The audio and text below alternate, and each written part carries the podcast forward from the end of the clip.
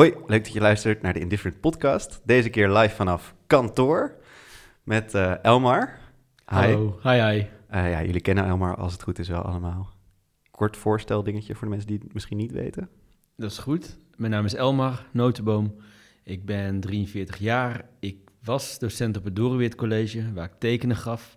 En wat ik daar zag was een hele leuke school, maar wel een cultuur waar veel jongeren zeg maar buiten de boot vielen, omdat ze anders waren dan de norm, wat die norm ook mogen zijn.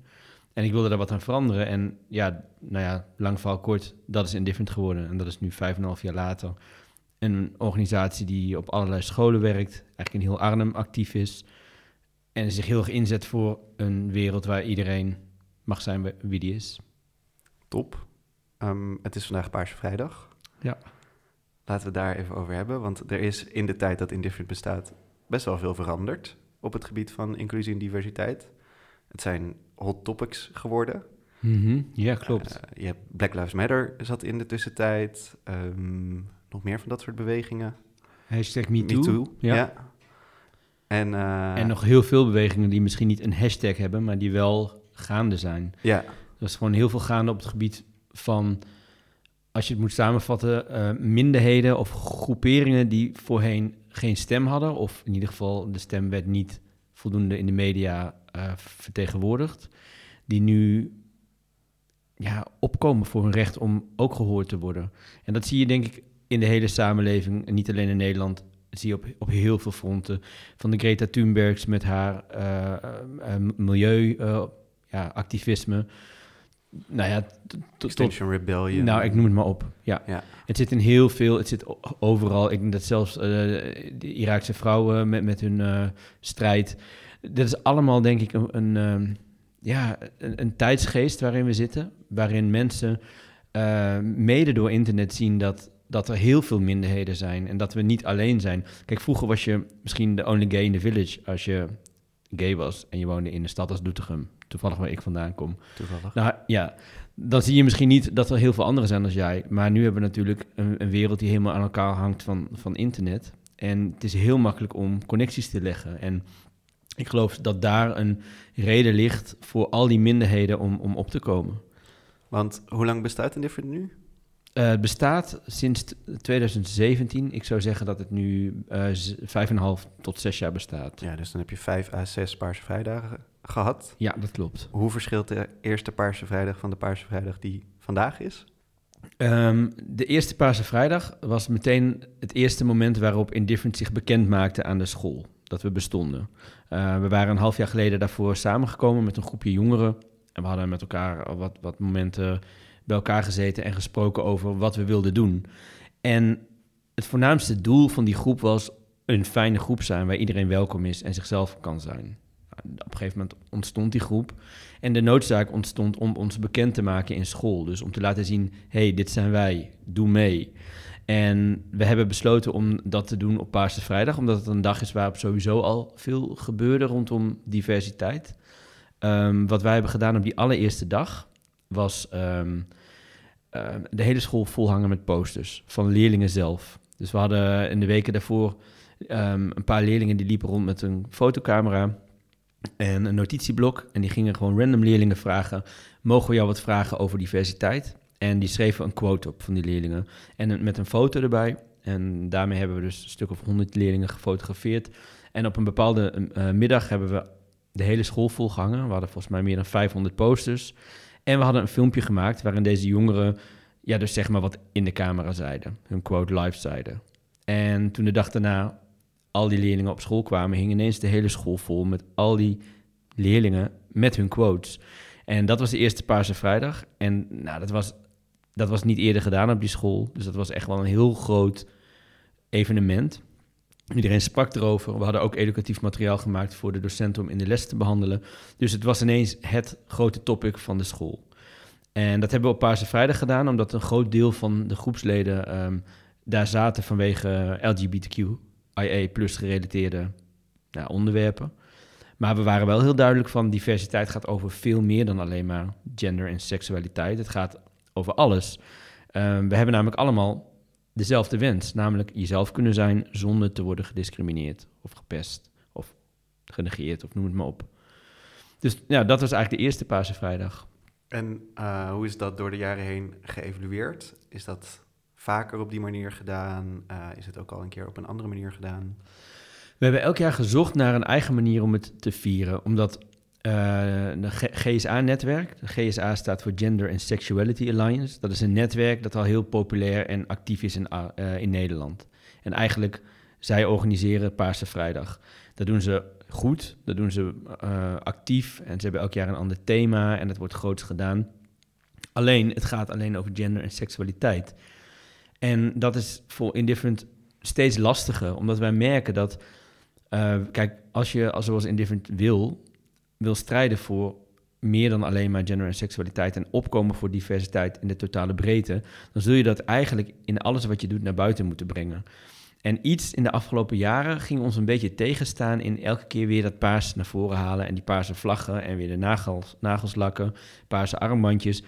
En het werd een soort herhaling van iets wat we ooit hebben gedaan, uh, waarbij de vorm belangrijker werd dan de, de inhoud. Snap ja, je dat? Ja. Want paars is een kleur en die staat ergens voor. En je kunt ervoor kiezen om steeds paars te laten zien. Maar waarom zou je niet het op een andere manier doen en gewoon letterlijk zeggen waar het voor, uh, voor staat? Ja. Zou je zeggen dat Paarse Vrijdag een beetje is gaan plakken aan Indifferent? Dat, dat heel veel mensen Indifferent direct associëren met LGBTQ-thema's en minder met bijvoorbeeld etniciteit of sociale klasse of... Nou, met name op de scholen waar we al langer zitten wel. Ja, Ja. omdat zij... um, ik snap het ook, want door de jaren heen hebben we maar een paar keer een hele grote actie gedaan. En meestal was de grootste actie Paarse Vrijdag. En dan zie je ons als indifferent leden, zie je dus in het paars op school heel actief. En de rest van het jaar zie je dat minder. En dan krijg je dat beeld. Dan krijg je het idee van, oh ja, LG, LGBTQ plus en indifferent, dat is één. Nou, dat is dus niet zo. Op de nieuwe scholen waar we van start zijn gegaan, is dit heel anders. Daar zien ze ons inderdaad meer zoals we nu zijn. We zijn ook weer een paar jaar verder, dus we hebben ons ook iets beter leren profileren. Maar het is wel nog steeds zo dat, uh, ja, dat het aan ons plakt, zoals Ja. je zegt. Dat brengt me een beetje bij het thema van dit jaar. Alle kleuren zijn mooi. Mm Uh, dat is nogal een statement op Paarse Vrijdag. Om dan te zeggen, maar er is ook nog rood en er is ook nog blauw en geel en wit en Mm -hmm. zwart. En dat, nou ja, dat zijn dan weer net niet kleuren, maar um, je snapt wat ik bedoel. Wat is de boodschap die je daarmee wil uitdragen? Ja, dit jaar hebben we echt met elkaar nagedacht van hoe gaan we toch Paarse Vrijdag vieren. Want we hebben absoluut respect voor de jongeren die dat graag willen. We snappen dat. We zien dat, Dat het nodig belangrijk, is. Het is ja. belangrijk. Het is een traditie. Dus op heel veel fronten willen wij hier gewoon echt aan meedoen. Maar zoals ik net zei, iets in ons uh, geeft het gevoel dat wij het anders willen doen. Dat wij een stapje verder willen gaan. We willen niet blijven hangen op een klassieke manier. We willen stappen verder maken. Dus we hebben met elkaar gesproken en toen we wilden eigenlijk een statement maken waarbij we zeggen paars, super, daar gaan we voor. Maar we vergeten er niet bij, inderdaad, zoals jij zegt, er is ook geel, blauw, oranje en elke andere kleur. Met andere woorden, dat staat symbool voor alle, alle andere vormen van zijn die je kan bedenken. Um, dus we kwamen inderdaad uh, met elkaar op dat thema. Alle kleuren zijn mooi. Um, je kunt dat als beschouwer, als leerling, als jongere, je kunt het zien en je kunt het opvatten op je eigen manier. Het is niet heel letterlijk genoemd. En daarmee gaan we eigenlijk mee in de traditie van Paarse Vrijdag. We gebruiken een symbool, in dit geval een kleur, waar je je eigen interpretatie aan kan geven. En deze boodschap die spreekt iedereen aan. Die zegt in feite, mijn kleur is dus ook mooi. Snap je? Dus als, als ik zelf mezelf associeer als bruin, want dat doe ik namelijk, want ik ben bruin, dan kan ik in feite door, door, door het zien van die poster denken, oh, bruin is ook mooi. En als je een andere kleur in je hoofd hebt voor jezelf, dan past je daar ook bij. Dus we wilden hiermee iedereen aanspreken. Ja, en ook dat alle thema's iedereen ook aangaan. Dat je zou kunnen denken, ik ben hetero, dus wat heb ik te maken met Paarse Vrijdag? Ja. Maar jij hebt dan ook iets te maken met Paarse Vrijdag. Zeker, ja. Uh, hetero's hebben net zo goed iets te maken met Paarse Vrijdag. En waarom? Kijk, als je LGBTQ'er bent, of queer bent, hoe je het noemen wil, dan behoor je tot een minderheid. Het is zeg maar minder dan 10% van de samenleving is queer. Dus dat betekent dat je een minderheid bent. Minderheid gaat niet over dat je minder waard bent. Het gaat over dat je qua aantal minder bent. Ja. En minderheden die, die strijden al sinds het bestaan van de mensheid strijden ze voor gelijke rechten. Soms met succes, soms met minder succes. Feminisme, vrouwen zijn niet in de minderheid, maar vrouwenrechten waren wel minder belangrijk dan die van de man. Dus in die zin waren vrouwen ook een minderheid. En een vrouwenemancipatie is heel succesvol. We zijn er nog niet, maar de meeste mensen, als je vraagt, ben je voor gelijke rechten tussen man en vrouw, zeggen mensen ja. En dus het, het gaat ook die goede kant op. En wat heb je daarvoor nodig? Minderheden hebben altijd de, de steun nodig en de support van de meerderheid om te kunnen groeien. Ja. Dus gays of lesbisch of biseksuele, panseksuele, noem maar op, transgenders, uh, non-binaire, hebben de steun nodig van hun ouders, van hun vrienden, die misschien zelf niet tot die doelgroep behoren, maar die wel willen strijden en opkomen voor, voor hen. Ja, en het zit eigenlijk ook al mooi als je het feminisme aanhaalt, in dat de definitie van feminisme is niet er moeten meer rechten voor vrouwen, maar vrouwen en mannen zijn gelijk. Dus het gaat Mhm. ook allebei die groepen aan. Dat geldt natuurlijk ook voor al die andere groepen. Dat, dat eh, homo's en hetero's gelijk zijn, ehm bi's en homo's, eh, dat ehm, transgenders en ehm, mannen gelijk zijn, transgenders en vrouwen, transgenders en non-binaire, Mhm. non-binaire en vrouwen. Juist. Dat het allemaal een relatie met elkaar aangaat. Ja, Eh, en dan niet in de zin van een liefdesrelatie, maar wel dat we allemaal op deze planeet wonen, dus iets met Exact. elkaar van doen hebben. Juist. Kijk, we hebben het steeds over diversiteit en inclusie. En eigenlijk, als ik heel eerlijk ben, diversiteit, daar kun je eigenlijk niet over praten, want diversiteit is een gegeven. Ja. Dat is geen, het staat niet ter discussie. Kijk naar jou en mij, twee, twee mensen, we hebben overeenkomsten en we hebben verschillen. Als we hier nog met tien anderen zitten, dan zul je alleen maar meer, meer diversiteit zien. En eh, dat is gewoon een, een heel simpel feit. De mens is een divers wezen. Niet alleen man en vrouw, niet alleen qua leeftijd, niet alleen qua kleur, niet alleen qua seksualiteit. Qua mentaal, sociaal, emotioneel, eh, economisch zitten we allemaal op een eigen vlak. En het is 2022 en het is zo belangrijk dat we nu eens met elkaar gaan zien. Die diversiteit is gewoon mooi. Dat is een uitgangspunt. En het volgende stapje dat we maken is inclusie. En dat betekent letterlijk iedereen telt mee. Iedereen heeft een stem. Naar iedere stem kunnen we luisteren. En natuurlijk zijn de mensen het niet altijd met elkaar eens. En natuurlijk heb je, als je divers bent als soort, veel tegenstellingen. Maar daar moet je met elkaar uit zien te komen. En ik denk dat we wel op zoek zijn met elkaar in deze tijd naar een, een bepaald basisgedrag, een basishouding. En, en nou ja, Indifferent stelt voor dat is een respectvolle houding waarbij je luistert naar elkaar, waarbij je ruimte hebt voor elkaars mening. En ik denk dat op dat niveau, als je zo met elkaar gaat praten, dan ben je echt, echt productief bezig met bouwen aan een fijne samenleving waar iedereen een stem heeft.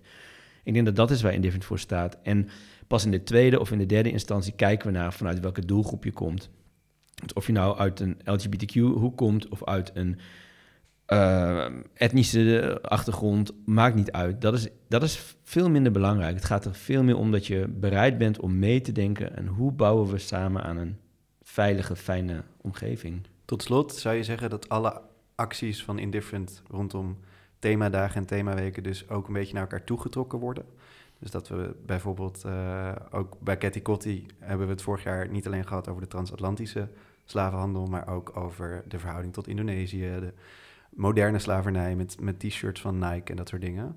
Mhm. Ehm, zou je zeggen dat, dat, dat een doel van Indifferent is om steeds alert te zijn op hoe dit specifieke thema zich verhoudt tot alle andere specifieke thema's? Ja, heel duidelijk ja. We kijken altijd naar de breedte. En we kijken altijd naar de, de onderliggende behoeften. Namelijk wat ik net al zei. Jezelf durven zijn zonder te, daarvoor te worden gediscrimineerd. Dat is iets wat iedereen wil. Ieder mens. Ook, ook hetero, cisgender, witte mensen. We willen het allemaal. Dus wij zullen altijd als indifferent kijken naar... oké, dit is een thema, dit is interessant. Daar willen onze jongeren mee bezig gaan. Daar willen wij mee bezig gaan. Maar hoe verhoudt zich dat inderdaad tot de andere thema's? En waarom is, waarom is slavernij belangrijk voor iedereen? Niet alleen mensen Ja. die afkomstig zijn uit een achtergrond die te maken heeft met slavernij. Nou, in een zekere zin zijn we dat allemaal. Want iedereen heeft eh, daarmee te maken gehad in zijn verleden, of in, zijn- mm, qua voorouders. Maar dat is het dus. Gewoon zoeken naar wat heeft dit, dit thema ehm voor betrekking op mij. Ja, dus resumerend, samenvattend. ehm Paarse Vrijdag is een belangrijke dag voor de LGBTQ-gemeenschap. Mhm. Daar staat ook het licht extra op aan op die dag. Mhm. Alleen we proberen ook het bredere plaatje in ogenschouw te nemen. Ja, precies. Super. Nou, dankjewel. Jij ook bedankt, Bram.